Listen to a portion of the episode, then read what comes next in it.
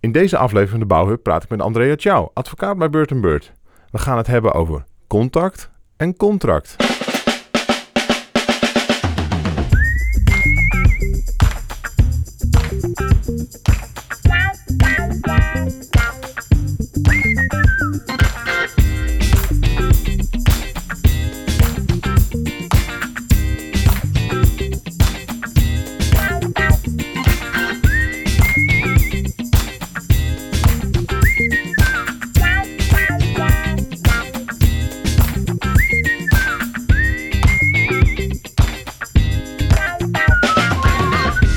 Vandaag op de Bouwhub hebben we te gast bij ons Andrea, ciao. Andrea. Van harte welkom hier op de Bouwhub. Dankjewel Joost. We gaan denk ik een, eh, een leuke, leuke podcast maken over contact en contract.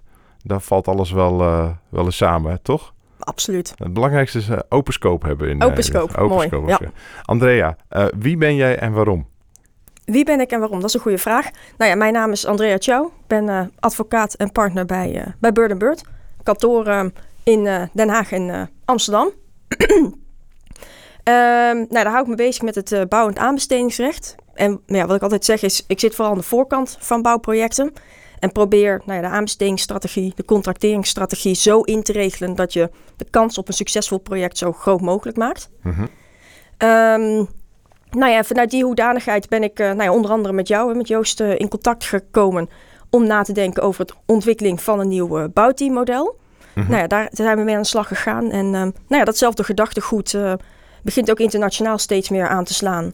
Dus ik ben ook bij uh, FIDIC betrokken als voorzitter van de taskgroup die een nieuw collaboratief contract eh, gaat opstellen. Zo, Ja, jeetje. En, ehm, en, en je zegt advocaat, hè? dus er zijn mensen die denken dan aan eh, nou ja, toga's en eh, rechtszalen en zo. Is de, ben, ben je daar veel te vinden of, of, ben jij, eh, of doe jij dat iets anders?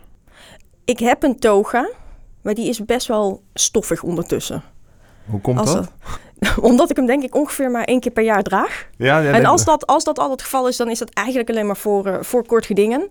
En dan kan ik natuurlijk heel clichématig zeggen van ja, een geschil, zodra dat bij de rechter komt, dan, dan ben je eigenlijk wel al vaak onnodig fair. Ja, Ehm, maar ja, vanuit de optiek dat ik liever oplos dan nou ja, problemen uitvecht, geeft dat wel een, eh, zou je bijna kunnen zeggen, een natuurlijke stimulans om geschillen op te lossen voordat ze voor de rechter komen. oké. dus eh, ik heb wel eens gehoord, je hebt advocaten die staan het liefste in de rechtszaal eh, hun ding te doen. En je hebt advocaten die zijn vooral bezig eh, om of te voorkomen of te adviseren.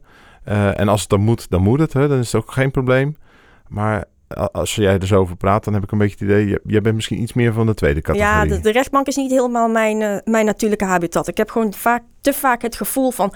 had dit nou gedaan of had dat nou niet gedaan... dan hadden, waren we hier niet geweest. Het kostte veel tijd, het kostte veel energie... het kostte veel geld voor iedereen. En Ah, ja. wie wordt er nou eigenlijk beter van? Ja, behalve ik natuurlijk, maar ja, weet je. Ondergeschikt belang. Ehm, maar mijn oorspronkelijke idee was om architect te worden. Oké. Ik wilde eigenlijk, nou ja, mooie bruggen ontwerpen. Ehm, en ik kwam er, nou ja, halverwege de zesde achter dat, ja, op een gegeven moment moet je wel, wel huiswerk gaan doen voor wiskunde. Dan kun je niet meer eh freewheelend halen tijdens eh, tentamens en examens. Ja. Net, net iets te laat achter om dan nog mooie cijfers te hebben om met goed fatsoen naar de TU te kunnen. Oh jee. Ja, dus ik dacht van ja, ik wil, ik wil er wel iets mee. Ik vind, die, ik vind die infrastructuur, die brug, ik vind het prachtig. Ja. Ehm, Er is misschien wel een, een, een, een, een Delfts ingenieur aan jou verloren gegaan. Of nou, een, dat denk ik niet. Dat, dat denk ik niet. Ik denk, eh, Maar dat, dat maak je volgens mij ruimschoots goed eh, eh, door wat je nu doet eh, met bouwprojecten.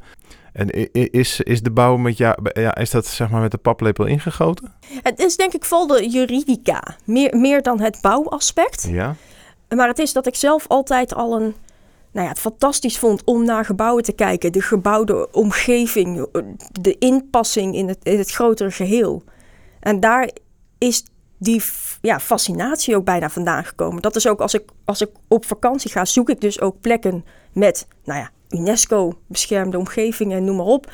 Het, het, het, het scheppende werk van de mensen zien. Ja. Meer, meer dan, ja, dan wat anders. Maar ja, dan ben ik ook wel weer zo, zo dichtgetikt dat als ik dan, nou ja, bijvoorbeeld eh, naar Italië ga en dan bijvoorbeeld het, het, het Scala Opera gebouw zie, ja, dan ga ik natuurlijk wel foto's maken. Ja, ja, ja. Dat natuurlijk.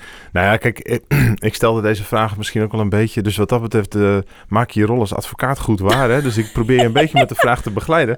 Jouw moeder is natuurlijk ook een bekende naam in, Ja. eh, in het bouwrecht. En, Ja. en, en daar, daar zocht ik een beetje naar. Van, is dat, springt dat dan over of, of niet? Hoe, hoe werkt dat? Hè? Eh, Want jouw moeder is Monica Ciao, Ja. Eh, Ja. Nee, dat klopt. Dat, eh, dat is ze. Ik, ik, grappig genoeg heb ik best wel vaak dat ik mensen, eh, mensen ontmoet. En die zitten me dan aan te kijken. En die denken dan van ja, zal ik het nou vragen of niet? En dan zegt ze ja, je lijkt er toch wel veel op. Hè? Is dat familie? Nou ja, ehm, ach, hè, weet je, het, eh, eh, laat het allicht een compliment zijn natuurlijk. Maar ja, je kan je wel voorstellen hoe dichtgedikt die gesprekken zijn ondertussen die wij eh, voeren met elkaar. Nou, volgens mij kunnen we wel stellen dat, eh, kijk, is jouw moeder Instituut voor Bouwrecht, ontzettend veel geschreven, gepubliceerd, professor op TU Delft. Maar inmiddels kunnen we volgens mij wel stellen met wat jij aan het neerzetten bent, ook internationaal, dat we kunnen wel spreken van, oh, u bent de moeder van. Hè? dus dat, dat, dat ben je hard. Dat is een compliment, dus dat is Ja. goed, dat is mooi. Nou ja, als Nou. ik kijk, hè, ik ben dus bezig geweest voor afscheid met een, eh, met een Liebe Amicorum. Daar Mhm. moesten dus onder andere een, eh, een literatuurlijst voor samenstellen. Ja. Ja, dat is, dat is wel next level hoor. Ja. Daar kom ik voorlopig nog niet. Nee. En, en, eh, Ach, het is ook geen dat, wedstrijd. Het is ook geen wedstrijd, hè? dus dat... eh, ja. Dat, dat, dat tezijde. Hey, André, we gaan het vandaag hebben over contacten en contracten. Nou, laat ik hem maar gewoon gelijk voor het doel neerleggen. Ja. Wa- wa- waar denk je aan als ik zeg eh, contacten of contracten? Het een is belangrijker dan het andere in een relatie tot bouwprojecten. De gein is, ik heb best wel vaak gesprekken of discussies over de vraag van wat is nou eigenlijk een contract? Mhm. En als je hem dan visualiseert, nou, ja, dan heb je natuurlijk het, het document dat heet het contract. En er zitten allemaal bijlagen bij. Ja. Nou, zijn die bijlagen, is dat nou ook het contract of niet? Is dat nou ook onderdeel van ja, wat je hebt afgesproken of niet? Ja, ja. Nou ja, dan weet je al direct eigenlijk welk antwoord ik ga geven. Ja, het is gewoon allemaal samen het contract. Mhm. Maar als je gaat kijken naar de verschillende actoren en hoe die zelf naar die, ja, die set van stukken kijken, die willen best wel vaak alleen maar dat eerste documentje, Ja, waar dan de hoofd, wat dan op staat geschreven, een bouwovereenkomst of wat dan ook, hè, ja. dat zien als het contract en de rest niet. Oké. Dus dat, dat vind ik een, een hele. Eh, dat, dat, is, ja, dat is een heel interessant besef eh, geweest wat ik de afgelopen, nou ja, eigenlijk afgelopen twee jaar tot gekomen ben. Dat er echt wel op verschillende manieren naar gekeken kan worden. En dan denk ik bij mezelf van ja, kijk, ik, ik zie het contract als het geheel. Mhm. Dus de, dat, dat document wat aan de voorkant zit, hè, waar overeenkomst op staat geschreven en al die bijlagen erbij. Ja, Dat is het totaal van de set van afspraken tussen partijen. ja, ja. En of je dat nou, nou ja, in, in, in, in veel te complexe, lange zinnen, waar ik me ook eh, aan schuldig maak, opschrijft. Of dat je dat wel wat meer in tussen aanhalingstekens normale mensentaal schrijft. Hè? Ja, En, en beschrijvend formuleert, meer dan in de vorm van regels. Ja, het zijn nog steeds afspraken tussen partijen. ja, precies. Bestek is ook gewoon onderdeel van de afspraken tussen partijen. Ja, ja, ja. Hey, en als jij het hebt over afspraken en... Kijk, want jij bent dus actief in de bouw. Jij schrijft contracten, maar jij doet ook mediations. Hè? Dus men haalt jou er ook bij als er gedoe is eh, op bouwprojecten. Ik doe, ik doe geen mediations. Ik ben betrokken bij geschillen. Oké. Ehm, en die probeer ik natuurlijk op te lossen. Op, op wellicht een mediation-achtige manier. Soms onderhandelingswijze. En Maar wat ja, is het verschil dan tussen... eh, want eh, de, eh, ik probeer even te Ja. denken als de luisteraar die Ja. denkt... Hè, hoezo, wat is het verschil dan? Er is een probleem moet opgelost worden, toch? onafhankelijke posities. Ik ben advocaat. Ik heb in beginsel maar één doel te dienen. één belang te dienen. Die van mijn cliënt. Mhm, Dus ik kan verrekte partijdig zijn. mhm. En dat is... Dat, sommige mensen vinden dat heel, heel ongemakkelijk. Ik vind dat heel, een hele prettige rol. Want het, het geeft mij direct ook een, nou ja, een doel om naartoe te streven. Mhm. Ehm, maar wat je dus hebt met mediation is, hè, waar ik dan als advocaat de belangen behartig van één partij, Ja. is een mediator die als het ware aan de kop van de tafel zit en probeert partijen samen tot een oplossing te brengen. Ah. Waar ik dus naast de cliënt zit en dan aan de Tijdens zijkant. mediation. hè? Ja, Dus precies. Dus Ja. daar wat dingen zou, zou roepen. Ah, oké. Dat gezegd hebbende, wat ik, wat ik wel heb gemerkt is... er zit een betrekkelijkheid in die rol van het puur dienen van dat belang van jouw cliënt. Wat bedoel je daarmee? Nou, uiteindelijk ik, hè, ik ben natuurlijk een, een, een jurist. Ik ben ook wat dat betreft vrij klassiek geschoold. Wij denken in worst case scenario's. Wij denken in gevolgen. Wij denken in straffen. Als de andere partij niet doet wat hij moet doen. Mhm. Dan krijg je boetes, een aansprakelijkheid, schadevergoeding. Weet ik het wat, de hele rattenplan. Maar als je even een stap terugzet. Ja, wat wil die opdrachtgever eigenlijk? Wat wil de aannemer ook? Dat project gewoon afbouwen. Hm. Dat project moet werken. Mhm. En dat is hartstikke leuk dat je dan vertragingsboetes hebt, maar daarmee krijg je geen werkend project. Nee. Het, kan, het kan wellicht een incentive zijn om hè, bepaalde processen op een bepaalde manier wellicht in te richten of bepaalde versnelling toe te voegen. Ja. Maar als zodanig, als jij een zak met geld krijgt waarop staat geschreven vertragingsboetes, Ja. ja, dan heb jij nog niet dat pand af. Eh, kun je- ja, precies. Hè? Want ik wou vragen naar. En ik snap heel goed dat je geen eh, namen van projecten en Mhm. rugnummers van partijen kan noemen. Maar kun je ons daar eens in meenemen hoe, hoe jij dat dan ervaart of wat je ziet? Wat gebeurt er dan eigenlijk? Nou ja, kijk, wat, wat ik zie dan dat gebeurt, is dat mensen, zeker tijdens contractonderhandelingen, noem maar op, dan ga je meer de detail, meer de Mhm. detail in. Mhm. En wat je dan moet hebben, is, zijn die momenten waarbij je zegt: Oké, jongens, even time-out, even een stap terug. Wat, wat even eerst kijken naar de overeenkomsten, de overeenstemming tussen partijen in plaats van de verschillen, hè, wat je eigenlijk overal hebt. Mhm. Ehm, waar, wat, waar zijn we het samen over eens? Nou, wij willen samen dit project bouwen. Wij willen samen een succesvol project bouwen. Gemeenschappelijke basis. Gemeenschappelijke basis. Dat soms, juist bij onderhandelingen, merk je dat die tegenstellingen soms heel groot kunnen worden. Omdat je alleen nog maar kijkt naar de verschillen. Mhm. Terwijl eigenlijk het soms nog heel nuttig kan zijn, ook bij onderhandelingen, om te zeggen: jongens, eerst even terugkijken naar waar zit, waar zit de gemeenschappelijke basis. Hm. En ik heb ondertussen geleerd van dat kan ik natuurlijk roepen tijdens onderhandelingen, maar dat kan ik ook in het contract opnemen. Dat hebben we ook met dat DG natuurlijk gedaan. Hebben we Mhm. gezegd van wat is, Mhm. wat is het doel? Waar willen we met elkaar naartoe gaan? En we gaan van A naar B. Nou, je beschrijft dat B. En je beschrijft erin ook wat, bijna wat holistischer. Oké, en wat, wat is dan een succesvol project voor ons? Wat is dan een succesvol bouwteam voor ons? En dan heb je de hele tijd dat, dat, dat ja, ik wil niet, het niet een noodrem noemen, maar een paraplu, een, een vergezicht waar je telkens alles aan terug kan grijpen. Mhm. Mhm. En wat ik dan concreet doe bij onderhandelingen, is dan zeg ik van oké, dit is het belang van partijen, is dat er een goed project komt. Mhm. Dient dan, hè, enorme vertragingsboetes, dient dan dat dat doel? Of zorgt dat er vooral voor dat de aannemer straks failliet kan gaan?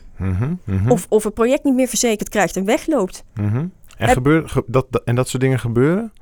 Of dreigen te gebeuren in, trajecten waar je bij betrokken bent? Ik zoek even naar de, zeg maar, de, de, ja, een beetje het gevoel hoe dat is als je daar dan bij zit. Nou ja, kijk, ik zit natuurlijk vooral in, in de onderhandelingsfase. Ja? Dus dan merk je Waar dat onderhandel je dan over? over, over ja, het, het contract, wat natuurlijk vooral de juridische teksten zijn. Want Ja. nou ja, je moet mij natuurlijk niet die, die technische tekst laten schrijven.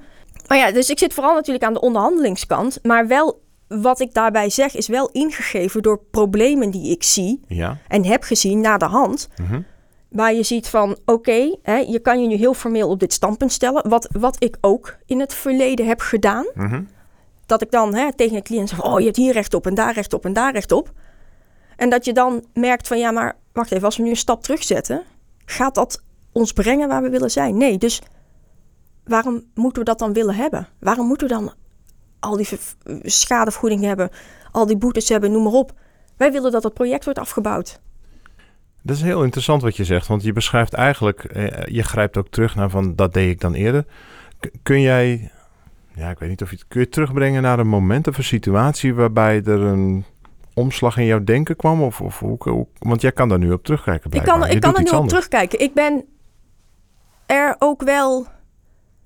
ehm, ik, ik zou bijna willen zeggen, steeds bewuster onbekwaam aan het worden. En steeds daarmee ook mezelf in de positie zettend om bewust bekwaam te worden. Maar daarvoor moet je eerst weten wat je niet goed doet. En waar je op moet verbeteren. En als ik dan, Ja? nou ja, als ik dan kijk naar het verleden, ja, nou ja, ik kan natuurlijk inderdaad geen, geen namen van projecten Nee? noemen en geen cliënten. Maar ik heb zeker één groot project gehad, wat een heel complex project was. Ehm, waarbij de betreffende cliënt uiteindelijk heeft gezet, gezegd: allemaal leuk en aardig, maar voor ons wat belangrijk is, is veiligheid. Ja. Veiligheid op allerlei vlakken, Ja. zowel tijdens de bouw als na de bouw. Mhm. En verduurzaming. Mhm. En dat ging bijna zo ver. Nou ja, dat ging eigenlijk zo ver dat, ze, dat, dat er op de bouwplaats ook werd gezegd. En ook tijdens de voorbereiding van de bouw en noem maar op.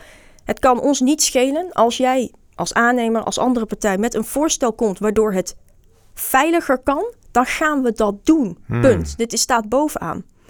En wat ik daarbij merkte bij dat, eh, dat project, dat was een groot project. Waar inderdaad een aantal, uiteindelijk een aantal dingen behoorlijk misgingen. Mhm. En waar ik dus heel traditioneel op adviseerde van... oh, je hebt hier recht op en hier recht op. En oh, gezien de opstapeling van alle fouten... oh, misschien kunnen we ook wel de aansprakelijkheidsbeperking eh, doorbreken... vanwege opzet grove schuld. Hmm. Noem maar op. Hm. En waar uiteindelijk die cliënt zei van... nou ja, ik, ik, ik snap het, goed te horen dat dat mijn rechten zijn. Dat kan ik ook heel goed gebruiken straks bij de onderhandelingen... om dit op te lossen. Mhm. Maar daar gaan we niet, daar gaan we niet hard op zitten. Hm. Want ik wil dat pand af. Dus die- ik, ik, ik, ik. En wat daar natuurlijk wel ook meespeelde, is dat ehm, de emotie tussen partijen niet hoog opgelopen was in het negatieve. Ik bedoel, natuurlijk waren Hmm. allebei de partijen hadden emotie vanwege het niet slagen van het project aan allebei de kanten. Maar dat, dat was nog niet verhit. Dat was niet tot een, tot een bepaald agressiviteitsniveau gekomen. En dat project was voor jou een soort kanteling in Ja. het denken. Ja, Toen die cliënt dat zei van, dankjewel. Ja. Fijn dat je je werk goed hebt gedaan. Ik weet, Ja. ik weet waar mijn rechten zitten. Tot, tot daar kan ik gaan. Maar hij besluit, of zij besluit op dat moment... eigenlijk niet de rechten volledig uit te nutten. ja, Ik, ik, ik kan me voorstellen dat je na zo'n meeting in de auto naar huis... ook een beetje dubbel gevoel hebt van... nou, ze hebben wel dankjewel gezegd dat ik ze goed heb geadviseerd... maar ze, ik, ik leg een arsenaal neer van... Ja. ja, klopt. Hè? Ja. Van tools, van dingen die Ja. je kunt inzetten en, en ze pakken hem niet op. Kijk, dat is, dat is dan ook wel weer het mooie van het zijn van advocaat. En dat, daar, verschillen, daar verschillen de rollen ook in. Maar ik zie mijn rol vooral uiteindelijk ook als het, het adviseren van een cliënt. Mhm. Maar de cliënt moet vooral zelf zijn besluit nemen. En zolang dat besluit maar niet is in strijd met de wet, et cetera, et cetera, en, en Ja. dat soort kaders, ja, dan is het aan hem om dat besluit te nemen. Tuurlijk. En ik moet daarin mijn, mijn, mijn rol, mijn beperkte rol kennen. Dus dat, dat hielp mij. Maar het, het, was, het was niet dat dit besluit door die cliënt werd genomen en dat ik direct het licht zag. Dat, dat heeft best nog wel een tijd gekost daarna. Oké. Dat is een proces geweest. Maar het- als je mij vraagt van wat is nou het project geweest waar jij op, op bent gaan, eh, gaan zien. verandering is ja, begonnen, ja. De verandering is begonnen en eigenlijk hè, het zien van de wereld is meer dan slechts het juridische. De oplossingen zijn breder dan slechts het juridische. Het juridische is een, een means to an end. ja. Het is niet het doel. Ja, dat haakt misschien ook wel mooi op, eh, op een vraag van, eh, van een vorige gast. Eh, de vorige aflevering hadden we Freek van Berkel te gast van Comenaai en hij stelde jou de volgende vraag. Nou, dat is, dat is eh, de volgende vraag. Wellicht is het wat utopisch. Dus het nodigt een beetje uit tot filosoferen, denk ik. Maar ehm, de vraag is, is er een project mogelijk zonder contract? Dus is er samenwerking mogelijk in een infra- of bouwproject zonder dat je daarbij een contract hebt? En ik kan er ook nog wel een stelling bij doen. Eh, als de juristen aan tafel komen, is het klaar met de samenwerking. Ik, ik vind dit om een paar redenen een, een hele interessante vraag. En een van de redenen, en dat is niet een antwoord op jouw vraag, ik kom straks met een antwoord op jouw vraag, maar een van de dingen wat dit zo interessant maakt is, er, zitten, er zit hier enorm veel achter deze vraag. Het is gebaseerd op hoe hij juristen ziet. Mhm. Of hoe hij hoort dat andere juristen zien. Ja. Dit is hoe wij gezien worden. Ja. Dus dit, dit laat wel zien dat als dit is hoe wij onszelf als juristen niet willen laten percipiëren, Ja? dat dat iets is waar we wat mee moeten. Denk, denken wij wel voldoende na over hoe wij overkomen? Onszelf, individueel, als beroepsgroep, noem maar op. Mhm. Dat is een, een open vraag. Ik weet het, het antwoord er niet op, maar het is wel een vraag die we onszelf moeten, moeten stellen. En het is ook een vraag die roept meningen op natuurlijk. Hè? Ja. Want, want hoe, niemand kan vertellen wat goed of slecht is of hoe het feitelijk zit. Maar het is, eh, je zegt het zit hem in de perceptie. Dus je hebt daar gelijk al een mening over. En bij mening ga je zoiets natuurlijk ook plat slaan. En voor je het weet zetten we alle techneuten in de hoek en alle projectmanagers ja. daar. En ook de advocaten, ja, die zetten we dan Ja. daar neer. Dus dat zit, eh, dat zit eh, inderdaad ook wel in zijn vraag. Dus eigenlijk zeg je, die vraag nodigt überhaupt wel uit tot reflectie. Vraag aan jou dan. Hoeveel reflectie zie jij in de beroepsgroep van bouwrechtadvocaten? Ik, ehm, kijk, dat, dat is natuurlijk het, het over één kam scheren. En als ik dan nou ja, iets anders wat me... Kijk, je, je kan van alles wat, wat leren. Hè? Ik probeer te observeren. Ik probeer collega's te zien. Ik bedoel, ik probeer con-collega's te zien. Ik probeer ervan te leren en, en, en mijn visie op te vormen. Een van de dingen, en wat ik zei, hè, ik ben geen litigator. Ik, ik, ik, ik behandel geschillen, maar ik probeer ze ook echt, echt op te lossen. Uiteindelijk naar de rechtbank, dat heb ik collega's die ik meeneem. Ehm, een van de dingen die ik heb gezien als ik kijk naar nou ja, de verschillende litigation collega's die ik heb gehad door de jaren heen. Je hebt verschillende bloedgroepen. Je hebt de litigators die je kan inhuren als je het echt wil oplossen. Mhm. Je hebt ook de litigators die je kan inhuren als je gewoon weet... dit gaan we niet oplossen, dit wil ik niet oplossen. Dit wordt niet opgelost. Mhm. Dit wordt hard tegen hard. Daar zitten smaken in. Hm. En dat is goed. Het is goed dat die smaak erin zit. Het is goed dat er de keuzemogelijkheid is. Dus dat is denk ik wat we als beroepsgroep vooral moeten zorgen dat dat zo gepercipieerd wordt. Dat die diversiteit er is. Want die is er. Mhm. Die is er absoluut. Dat, dat zie ik in mijn. Dat heb ik ook gezien na aanleiding van eh, ons DG 2020-proces. Mhm. Ehm, er zitten. Ik was onder de indruk van, van toch best wel wat juristen, advocaten, ook niet-advocaten, die ja, onbaatzuchtig Mhm. ons hebben geholpen. Hm. Met goede informatie zijn gekomen, met goede suggesties zijn gekomen. Soms hele kritische suggesties, maar nog steeds goede suggesties. Mhm. En dat doen zij dan hoe dan ook vanuit een bepaalde, nou ja, hè, on- onbaatzuchtigheid. Dus, dat, ehm, dus wat dat betreft laat het me wel zien, het is, het, er zit een vooroordeel in. En die is voor, nou, voor mijn gevoel voor een groot deel niet terecht. Mhm. Natuurlijk, hè. We kennen allemaal de voorbeelden van, van de goed op de, de rem trappende advocaten maken dingen moeilijker dan strikt noodzakelijk, et cetera. Mhm. Ehm, en dan is de vraag, is dat ook niet iets waar we elkaar op, nou ja, elkaar een spiegel voor moeten houden? Het gaat over dienen. Wie dien je? Dien je een opgave? Dien je Ja. een bepaald belang? En, en ik hoor je heel duidelijk zeggen, natuurlijk zijn er verschillen. Want soms is het, eh, is het, eh, is het eh, Fight Club, Ja. zullen we zeggen. Nou, dan, als dat is wat er gebeurt, dan heb je ook dan heb je een ander type nodig dan dat je zegt, nou, wij willen toch kijken, we snappen. Als ik het in mijn eigen, eigen ervaring wel terughaal, dan, dan zie je vaak dat als er problemen zijn, dan zijn ze vaak, vaker door beide partijen hebben er wel een aandeel in in de problemen. En eh, kun je heel erg vanuit één positie zeggen en de bal ligt bij een ander. Ja. Maar als je heel eerlijk bent, en, eh, is, is het vaak een kwestie van er gebeurt iets eh, vanuit de complexiteit. Dat wordt dan niet goed opgepakt of het Ja. wordt misschien wel weggemoffeld. En vervolgens wordt er eigenlijk ook niet constructief op gereageerd door een andere partij op het moment Ja. dat die erachter komt. Want die zegt, oh, als jij mij dit flikt, dan ga ik jou ook nog Ja. even wat flikken.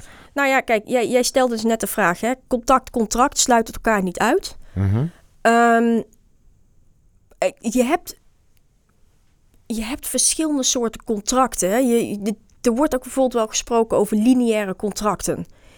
Jij doet dit, de ander doet dat. Ja? We hebben minimale interface. Hè, we, ma- we maken het ogenschijnlijk heel smart qua waar we elkaar op kunnen afrekenen. Ja? Maar feit is, als je die aanpak dan plakt op de complexiteit van bouwprojecten van vandaag de dag, zeker in Nederland, stakeholders, hè, reeds bebouwde omgeving, technische uitdagingen, wellicht ook financiering, aanbesteding, weet ik het wat, een hele rattenplan, Mhm. dat werkt niet meer. Waarom niet? Omdat je, tenzij je, ja, ik denk zelfs als je een project perfect van tevoren voorbereidt, Ja? totdat je die grond openmaakt. Ja. Totdat je echt begint te bouwen en, en je hoort wat de buren ervan vinden. Totdat je echt alle verschillende technologieën aan elkaar gekoppeld hebt. Jij kan niet volledig uitrekenen en uitplannen wat er wanneer gaat gebeuren. Er Mhm. blijven onverwachte situaties komen. Hm. En als je dan een heel lineaire benadering hebt met... jij moet dit doen, ik doe dat en we, we blijven vooral een beetje weg bij elkaar... want dan Mhm. kunnen we elkaar goed afrekenen erop... Hè? Ja? dan ga jij dus dat succesvolle project niet halen. Nee, precies. En van contract naar contact. Kijk, ik begin steeds meer ook te zien van dat. Ik- vroeger, hè, toen ik jong was, traditioneel keek naar contracten, dacht ik van, nou ja, dat contract, hè, dat, dat, die voorlegger, dat is, dat is mijn territorium. Ja. Hè, ik, ik, ik kan het beste opstellen, eh, hè, het beste vormgeven, noem maar op. En ik ben tot de conclusie gekomen, nee, dat is, dan, dan, dan benader je die documenten veel te beperkt. Het, het heeft zoveel meer mogelijkheden. Het kan een projectmanagement tool zijn, het kan een handvat zijn voor partijen om met elkaar samen te werken, noem maar op.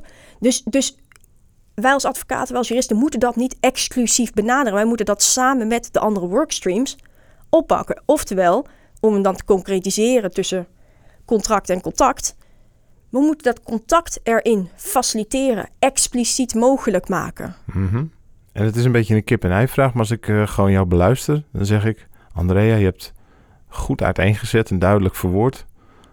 Omdat contact zo belangrijk is, moeten we het goed in het contract op gaan nemen. Dat. En nu moet ik wel zeggen, kijk, ik ben aan het einde van de rit opgeleid als advocaat. Ja, We moeten ook nadenken over de situatie. Ehm, het gaat niet goed. Ja, Wat dan? precies. What Wie if? is dan waarvan? en dat bedoelde je net ook toen je zei van wij zijn getraind in worst case scenario's. Dat is, Ja. eh, we gaan voor de vrede, maar het kan ook een keer oorlog worden. Ja, en dat moet je met elkaar bespreken. Hm. Ook doorleven en ook vanuit de optiek. Accepteer dat het zeker bij complexe projecten dat je verrassingen gaat hebben, maar voorkom dat die verrassingen problemen worden, voorkom dat die problemen geschillen worden. André, ik wil even met jou teruggaan naar eh, wat jij noemde lineaire contracten. En ehm, ik, ik wil dat ook even wat benoemen, wat uitwerken, om even te checken of je dat ook zo bedoelt. Maar het lijkt een beetje op dat lineair noem jij het is van mij of het is van jou. Dus dat er een, een duidelijke scheidslijn, misschien wel een schutting staat tussen verantwoordelijkheden van de een en verantwoordelijkheden van de andere. Klopt, klopt dat? Is dat ook wat je bedoelt Ja. met lineair? Ja, zeker, zeker heel abstract eh, gezien. En ehm, wat, ik, wat ik daarin herken, denk ik, en dat raakten we ook aan in een podcast over eh FUCA, is dat we eigenlijk in de bouw altijd, altijd wel bezig zijn met eh, onbekendheden managen. Dat doen we al 100, 200 jaar, hè, want ook toen ging de grond open en bleek er in één keer veen te zijn in plaats van zand. En ook toen kwamen de bouwmaterialen niet op tijd. Dus wat ik daarmee wil zeggen is, het, het, ik denk dat er wel een beetje in het genetisch materiaal van de bouw zit dat je altijd wel met onbekendheden om leert gaan. Anders kun je namelijk een project niet doen. Ja. De grap alleen is, is eh, vanuit, dat, eh, vanuit dat denken is van ja, wij zijn dus gewend om tijd, geld en kwaliteit vast te zetten. Dat is een driehoek, tijd, geld en kwaliteit. En op het moment dat je dat vastzet en de variaties van onzekerheden zijn beperkt, dan, dan kom je daarmee weg. Ja. En die wil ik even markeren, want dat, dat zou ik een soort van generatie 1 bouwcontracten willen noemen misschien wel. Ehm, en dan denk ik bijvoorbeeld aan een RW-bestek. Ja. Want tijd staat vast, Ja. geld staat vast en kwaliteit staat beschreven in de standaard. Is, is dat wat, waar jij aan denkt als je lineair ehm, contract een beetje beschrijft? Dat soort type contracten, die generatie? Ja, ook. Ik zou hem ook nog wel wat, wat, wat, wat breder willen trekken in wat ehm, een, een bepaalde mate van strengheid die erin zit. Dus de ontwikkeling wellicht. Ja, qua houding. De, de, de, ja, ik wil niet zeggen de focus op het negatieve, maar voor een deel de focus op het negatieve. Hè. Als het niet lukt, dan. Als jij niet doet wat jij moet doen, Ja, dan. ja. En dan komend met een straf, meer dan met een oplossing. Oh, dat is ook wel interessant.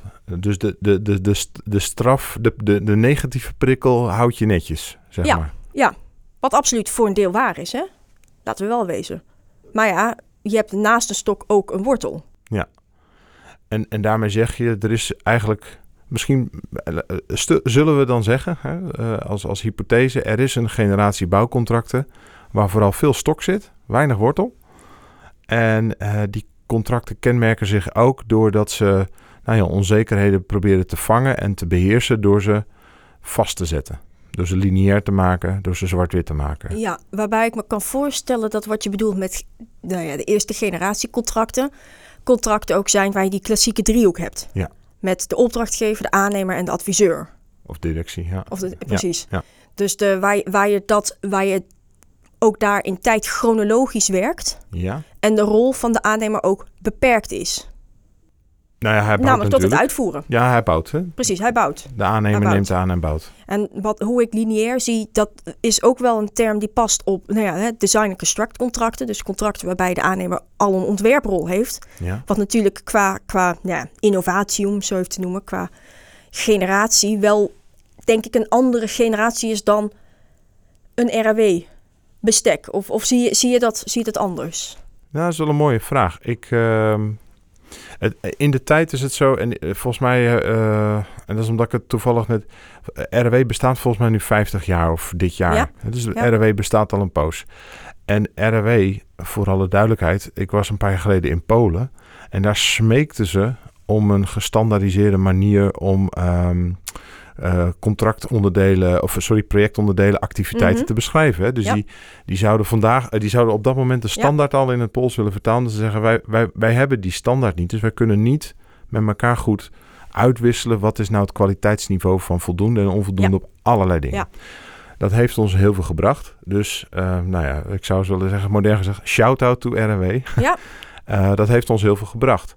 Maar het heeft ons denk ik ook iets gebracht. Dat gaat over houding en gedrag en denken. Namelijk, degene die het bouwt, kijkt naar het bestek. En dat doe ik niet Ja. meer en niet minder.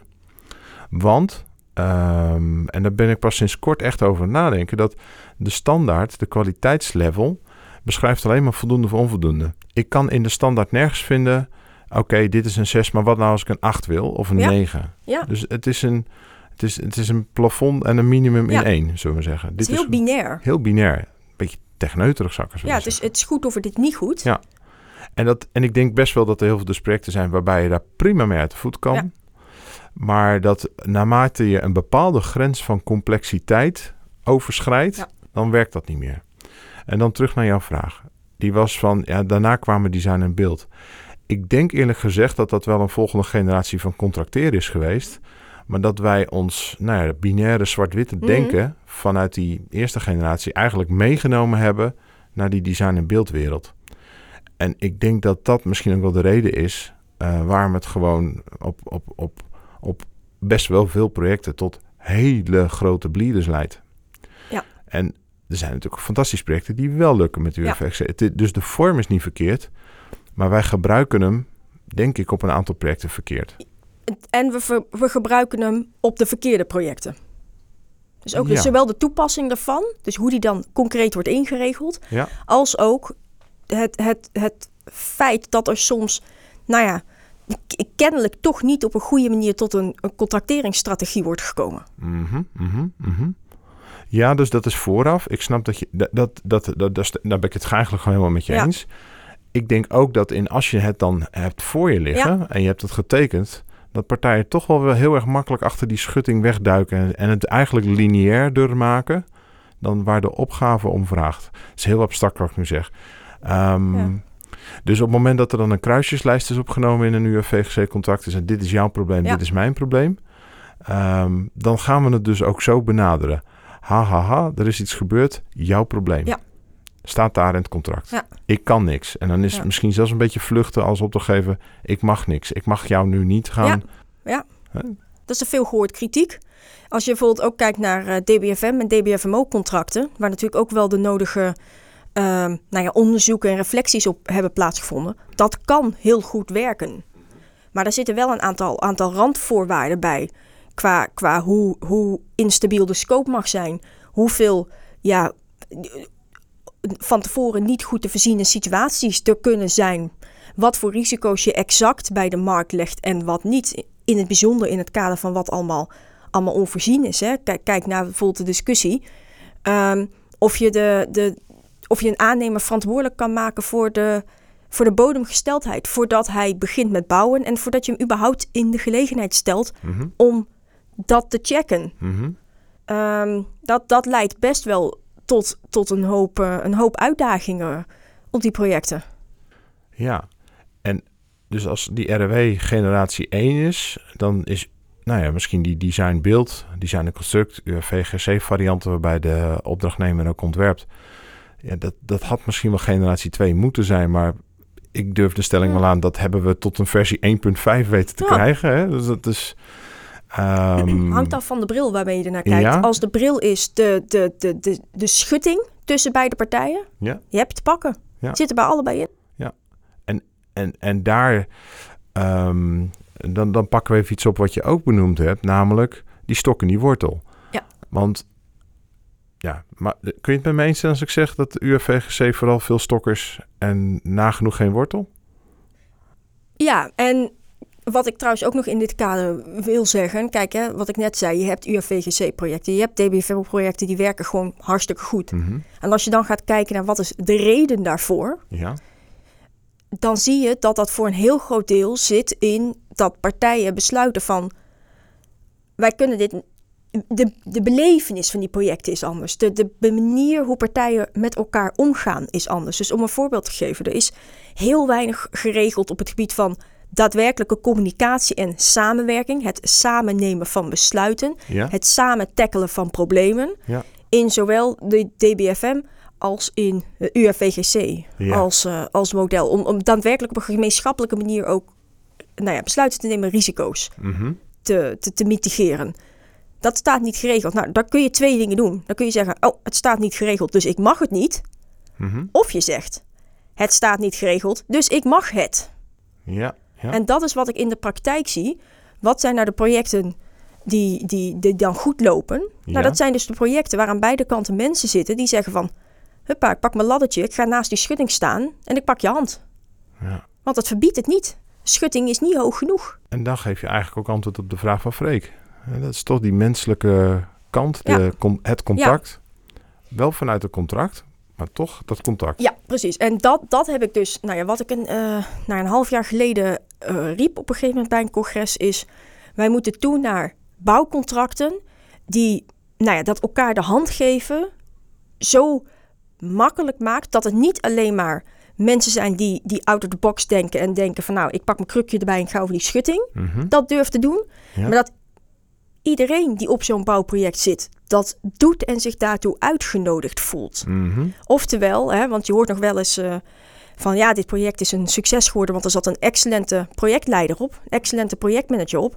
Ja, hartstikke mooi, maar ook gewoon een normale projectmanager moet zo'n project tot een goed einde kunnen brengen. Mhm. Mhm. En dat is waar het contract in kan helpen. Want als in het contract staat, hè, als dit en dit en dit gebeurt, zult gij overleggen en zult gij samen nou ja, een Mhm. besluit nemen, et cetera.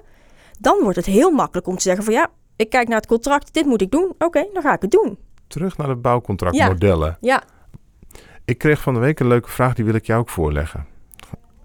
En de vraag was, is dat Bouti-model nu iets wat naast RW en UFVGC staat als een andere manier van eh, contracteren? Of is het iets wat, nou ja, eigenlijk op die ja. twee contracten wordt gezet? Hoe, hoe Oh. kijk jij daarnaar? Ik, als er iets is waarvan ik hoop dat in het UAVGC-boekje het aangepast wordt, dan is het hoe het bouwteam wordt gezien. Dus als je dat UAVGC-boekje hebt, hè, wat het CRW uitgeeft, dan klap je hem open. En dan heb je zo'n heel mooi diagram staan. Hè, De met, eh, centerfold noemen we die. De, centerfold voor contractjes. De centerfold voor de bouw, ja, precies. Nou, ehm, ja, daar staat bouwteam als een apart ding in. Terwijl Mhm. eigenlijk is het een overlay. Ja. Je kan het gebruiken bij verschillende contractsmodellen. En deze discussie hebben we ook bij FIDIC gehad. Oké. Ehm, nou ja, voor Oh, de, wacht even, ja. voordat je verder gaat. Ja. Vind ik, wat is dat en wat doe jij daar? Nou ja, FIDIC, dat, dat is de internationale organisatie voor ingenieurs. Ja? Een soort Eh, NL-ingenieurs wereldwijd. Het, eh, ja, NL Ingenieurs is daar ook aan gelieerd. Ja. En, en de, de nou ja, verschillende evenknieën uit de verschillende landen zijn daar ook op die manier aan gelieerd. Ehm, zij zetelen in, ehm, in Zwitserland en ze houden zich bezig nou ja, met, met ja, je zou kunnen zeggen op een bepaalde manier de, de visie van ingenieurs op de bouwwereld. En ingenieurs van opdrachtgevers en aannemers. Van en iedereen. Ja, precies hè? Ja, Ja. dus echt een brede groep Mhm. met wereldwijd een, nou ja, een fantastische dekking. Noem een land zo gek. En zij hebben daar dus een evenknie zitten, een lokale, nou ja, aan hen gelieerde organisatie. Dus eh, dat is echt geweldig. En een van de dingen waar voor mij als jurist vind ik het, nou ja, wellicht het meest bekende van is, zijn van die FIDIC-boeken. Mhm. Hè, FIDIC Red Book, wat een beetje onze UAV is. Hè. FIDIC, FIDIC Mhm. Yellow Book, FIDIC Silver Book, wat zich laat vergelijken met onze UAVGC. Mhm. Hè, Goldbook, et cetera. Die, die boeken met dat wereldbolletje erop, Mhm. in die kleurtjes. Hè. En je, had een, je had een set bijvoorbeeld in 1999 en in 2017 is er weer een nieuwe set gekomen. Die is wel weer wat, eh, wat dikker en ook een stuk collaboratiever. Mhm. Dus je ziet daar die, die ontwikkelingen heel Die mooi in. ontwikkeling zie je daar ook terug hè? Ja, ja, zie je hem daar ook al in terug. Ja. Eh, maar ondanks dat in die, fit, die 2017 FIDIC eh boeken er al best wel wat samenwerking en, en gezamenlijke benadering is toegevoegd, Ja. heeft men daar besloten van nou ja, wij willen ook echt een collaboratief contract. Dat is een nieuwe kleur. Echt een nieuwe kleur. Ja. Nou, en als je dan, hè, voor de mensen die wel eens zich bezighouden met FIDIC en, en de vraag van oké, welk, welk, welk kleurboek moet ik dan gebruiken? Nou, dan ga je googlen. Hè, en dan vind je zo'n ehm, zo'n stroomdiagrammetje van is jouw project dit? Nou, dan ga je linksaf. Is jouw project dat? Dan ga je rechtsaf. Ta, ta, ta, ta, ta. En dan kom je op die manier uit bij al die kleurtjes. Ja. En ik heb daar de vraag gesteld: waar moet ons boek eigenlijk? Hm. Want het past bij alles. Het kan een plus, dit nieuwe boek, kan Ja. het worden bij elk van die boeken. Ja.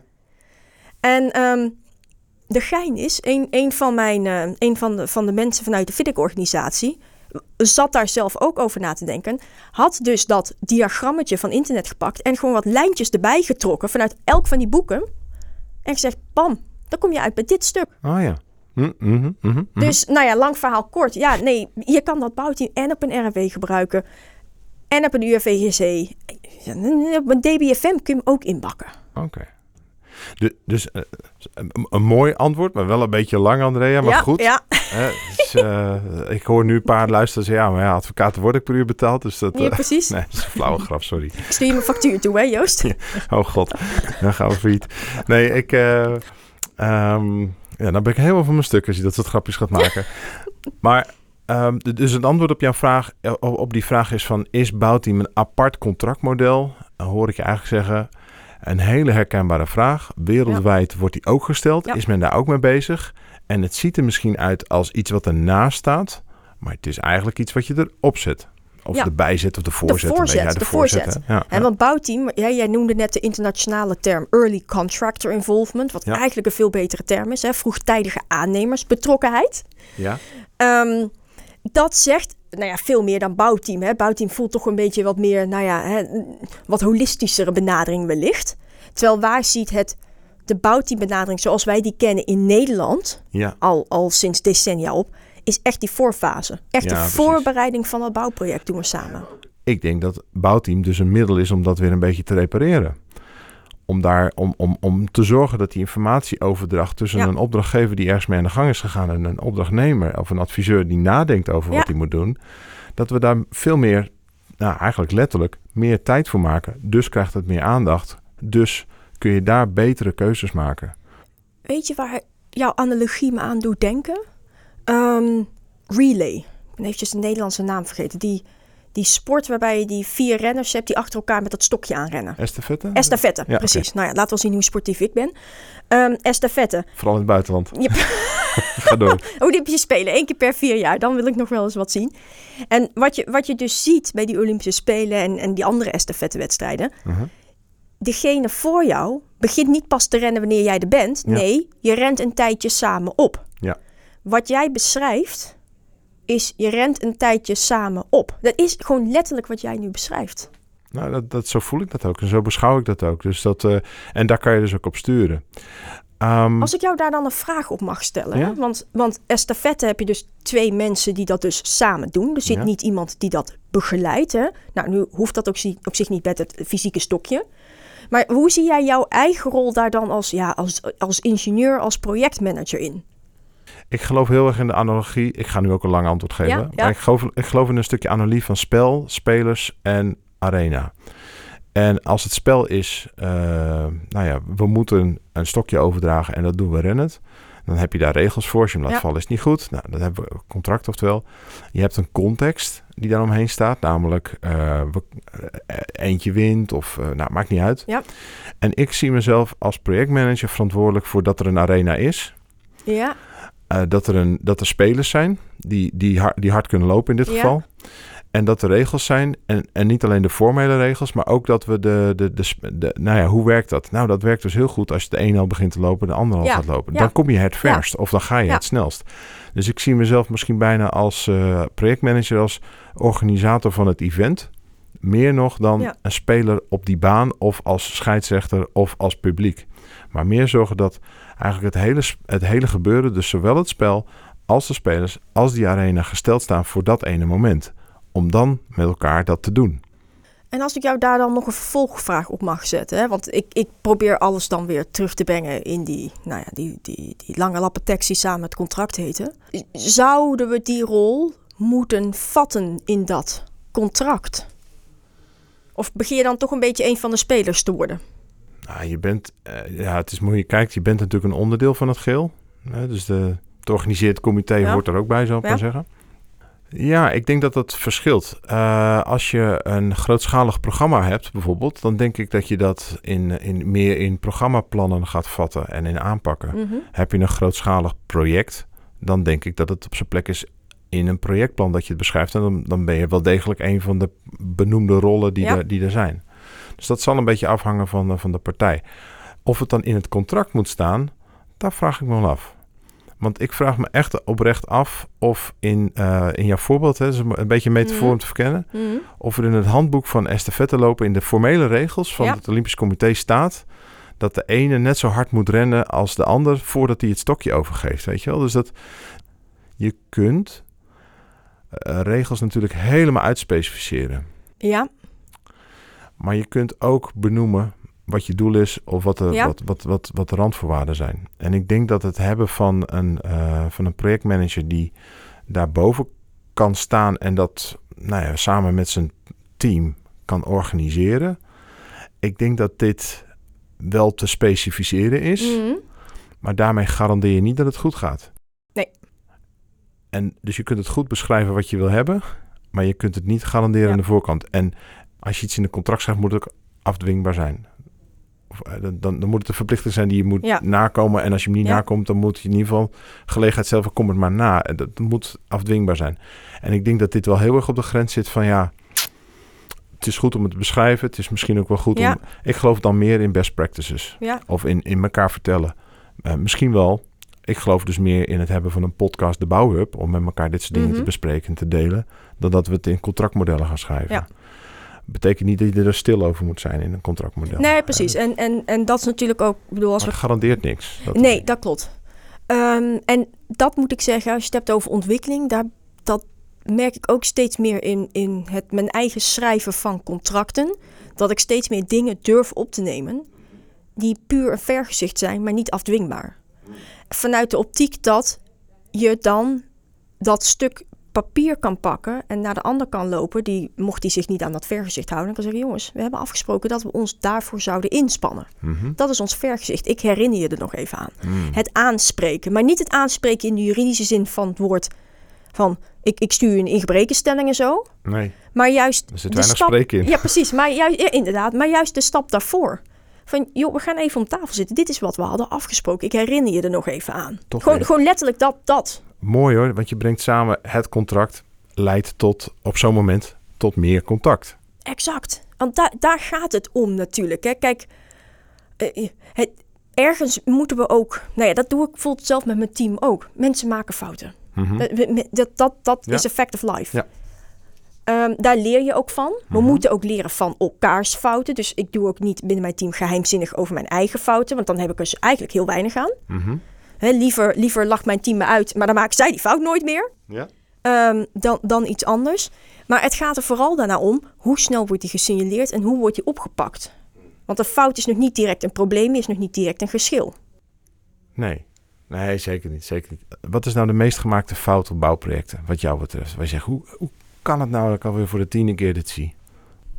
Ja, kijk, dat, dat kun je natuurlijk op heel veel verschillende manieren benaderen. Hè? Je, hebt de, je hebt de onderzoeken naar wat, wat, wat ervaart men zelf als fouten. Nou, gebrekkige communicatie, gebrekkige afstemming, et cetera, et cetera. Dus belangrijkere oorzaken van problemen lijken dat te zijn dan technische uitdagingen. Mhm.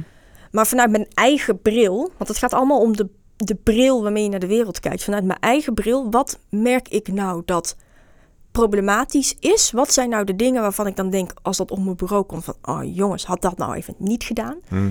Is jezelf vastzetten. Jezelf ingraven in een bepaalde positie. Kun je daar een voorbeeldje van noemen? Nou ja, dat, dat, kan, dat kan contractueel, maar dat kan natuurlijk ook perfect tijdens onderhandelingen. Al dan niet over een probleem, dat je zegt van, dit is mijn standpunt. En alles wat daarvan afwijkend is, is onacceptabel. Uh, my Ik- way over the highway. eh. I- precies, daar geloof ik sowieso niet in. Tenzij je dan ook echt bereid bent weg te stappen moet op zo'n moment. hebben. Ja. Dan moet je alternatief hebben. En je moet, of, of geen alternatief, maar dan moet je bereid zijn weg te stappen. Onderhandelingen met, met partijen die zeggen: dit is een showstopper, dat is een dealbreaker, noem maar op. Ja, jongens, je kan één of twee dealbreakers hebben. Maar als ik hier en hier nu op ga duwen, loop je dan weg? Nee, nou dan is het geen dealbreaker. En dan moet je het ook niet gebruiken, de term. Ik gebruik die term heel zelden, want ik wil de waarde van die term niet niet devalueren. Het is namelijk een hele krachtige term. Maar ik zie het zowel in contracten als, als tijdens dus die onderhandelingen, zowel om tot een contract te komen als daarna. Op het moment dat partijen, individuen, standpunt innemen en, en daarna niet ja, groot genoeg zijn om dan ook weer daarvan terug te kunnen stappen, dan breng je dan, dan voeg je gewoon een additionele laag van druk toe. Mm, mm, Dus mm. dat is een van de redenen dat ik dus ook vaak in mijn contracten opneem. Dat ehm, partijen over en weer, als ze zien dat er een, bijvoorbeeld een individu is wat gewoon niet lekker matcht. Heeft verder niks te maken ook met het individu of wat dan ook. Dat, als dat een stoorzender is, omdat die gewoon niet matcht met de rest. Hij, hij, zij praat op een andere manier. Ja, Dan is dit gewoon niet de omgeving voor die persoon. En dan moeten mensen daar ook het... en dat zet jij in een Dat contract. zet ik in een contract. En ja, mensen tekenen daarvoor. ja, kijk, en dat gaat dan natuurlijk met, met teksten Oh, zoals van... Hè, het moment dat, eh, dat, dat iemand van mening is dat, de, dat er een individu is aan de andere kant... Oh, mooi. Ik- waarvan ze eh, eh, van mening zijn dat met diegene toch de, de, de projectdoelen niet behaald gaan worden of lastiger... Mhm. dan gaan partijen met elkaar het gesprek aan om te komen tot een nou ja, vervanging.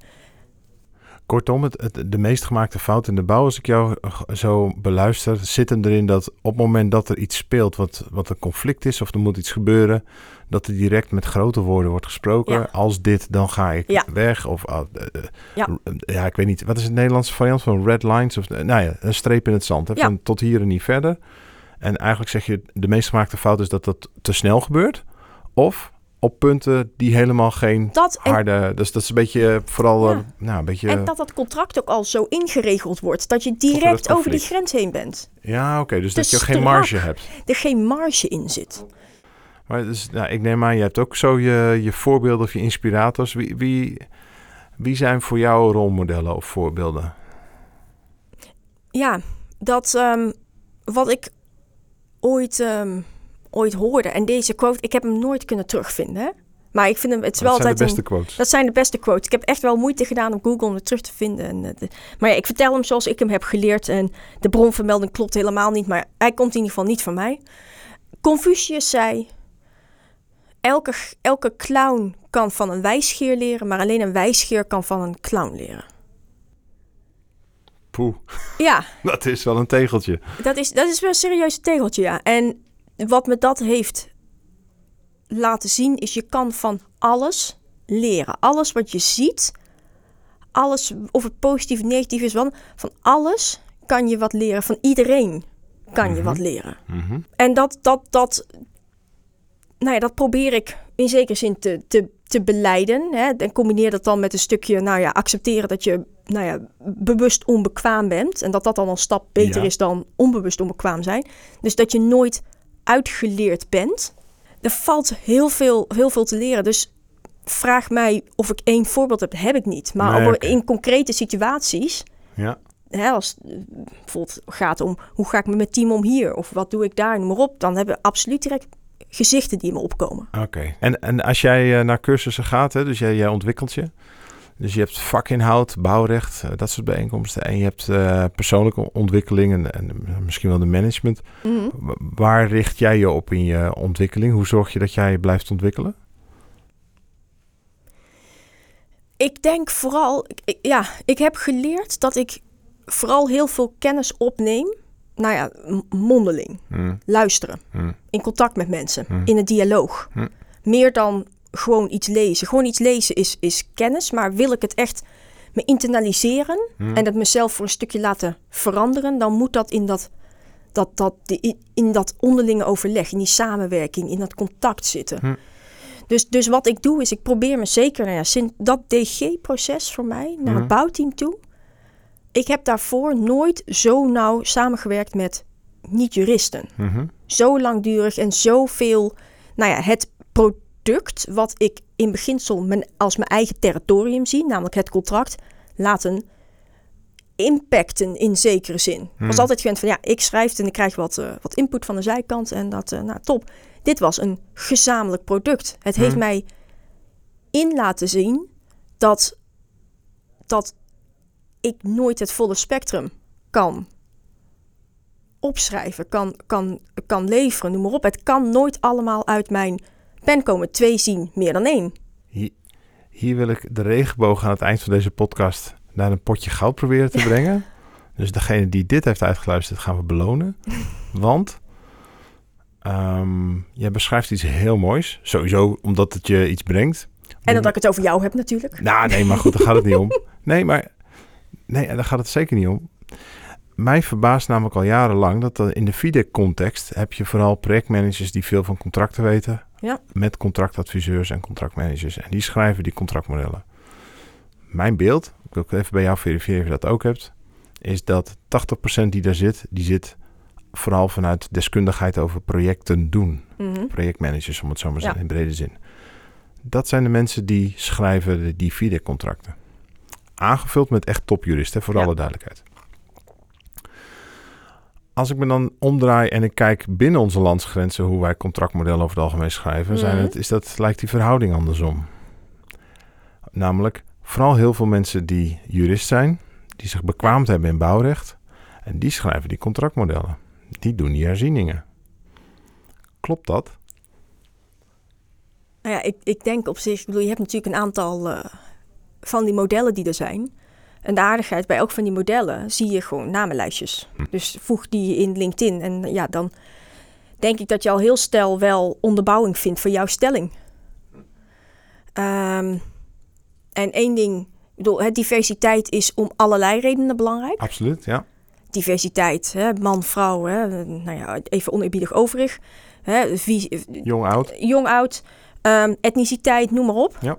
Maar ook hè, waar je gestudeerd bent of je gestudeerd hebt, wat je achtergrond is, wat de bril is waarmee je kijkt naar iets. Mhm. Je moet die diversiteit op al die vlakken hebben. Mhm. Ja, dat is netjes. Ik, ik, jij, jij loopt er heel netjes omheen. Maar ik, ik ga ook geen stelling nemen hierin. Maar het valt mij altijd wel op. En het valt mij enorm op. En ik durf ook te zeggen dat het model van het bouwteam... die hebben we met marktpartijen gedaan en Mhm. opdrachtgevers... en zijn we in dialoog gegaan. Maar dat is misschien wel sinds lange tijd weer het eerste model... wat vooral vanuit eh, projectdiertjes tot stand is gekomen. Ja. Aangevuld met een hoop deskundigheid van mensen vanuit, eh, vanuit een adviesrol. Hoor. En ook eh, zeker bouwrecht. Daar was je zelf bij. Ja. Dus, dus ik hoor, je hoort mij niet zeggen het een is beter dan het andere. Maar het accentverschil... Ja. Dat aan het eind, aan het eind je, je legt hem voor mij een beetje voor het doel. Die, die, die, en die omarm ik, want dat accentverschil is er. En wat dat dan betekent, dat Ja. mag iedereen voor zichzelf eh, maar eens over na gaan denken. Ik heb eh, nog een paar korte vragen. Ja. Ehm, onze volgende gast is Johan Bolhuis. Mhm.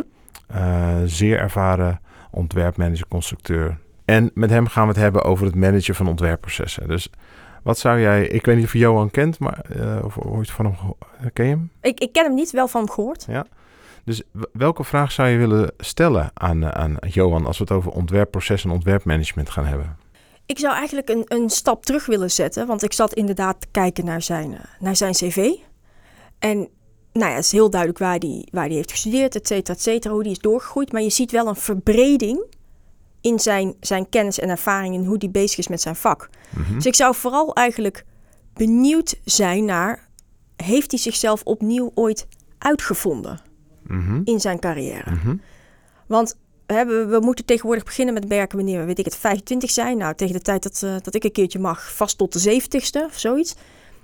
Het, de wereld verandert, alles verandert. We moeten breder kijken. Mhm. Hoe, hoe heeft hij dat in zijn carrière gedaan? Waar heeft hij zichzelf in veranderd, verbreed, nieuw uitgevonden? Hm, mooi. Nou, we gaan het hem voorleggen. Ja. De volgende keer als hij bij ons te gast is. En we hebben het over het ontwerpmanagement. Vandaag stond, eh, stond echt in het teken van contract en contact. En ehm, ik, ik, ik vrees dat ik toch een beetje eindig met een soort kip en eigen gevoel. Hè? Wat was het eerder? Het contract die het contact beschreven of het contact die het contract maakte? Maar aan de andere kant, volgens mij heb je heel duidelijk uiteengezet hoe dat op elkaar inwerkt. Dat het een niet zonder het andere gaat en dat het ene juist het andere. Hè? Ja. Een goed contract kan het contact intensiveren. En een goed contact kan ook dragen dat wat je afspreekt in een contract eh, mooi tot stand komt. Volgens mij hebben we een aantal uitstapjes gemaakt naar, naar, naar een terugblik over hoe contractmodellen zich ontwikkelen. Hoe jij daarin staat en wat je in de bouw ziet. Ehm, is er iets waar je op terug wilt komen, waar je spijt van hebt dat je dat gezegd hebt? Of dat, we dat, nog, dat, of dat dat nog nuance behoeft? Ongetwijfeld. Ja? Maar ja, tegelijkertijd, ach, weet je, dit uh, een beetje ongenuanceerdheid, een beetje ongepolijstheid, hè, dat, dat trekken we wel in de bouw. Oké. Nou, dat mag. En, en is er nog iets wat, je, wat we niet benoemd hebben, wat, wat je nog zeker benoemd wil hebben? Ik denk dat we best wel veel, veel hebben benoemd. En we moeten natuurlijk ook niet alles benoemen. Hè? Er, moet, er moet stof voor de rest, uh, voor vervolg oh, kijk overblijven. Aan, kijk aan. Nou, ja. nou ik, uh, ik, ik waardeer in ieder geval dat je jezelf nog een keer weer uitnodigt hier. Had het niet per se over mijzelf, maar Ze is een goede adviseur, die Andrea. Dat is zo goed, dat is goed, dat is goed.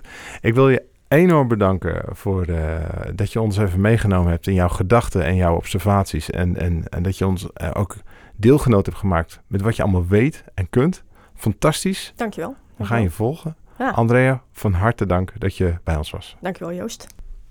Daarmee eindigen we deze aflevering van de Bouwhub over contact en contract. Reacties op deze aflevering kun je natuurlijk sturen naar ons e-mailadres podcast.procesmanagers.nl. We zijn erg benieuwd wat je ervan vond. En we zien je graag terug op de Bouwhub.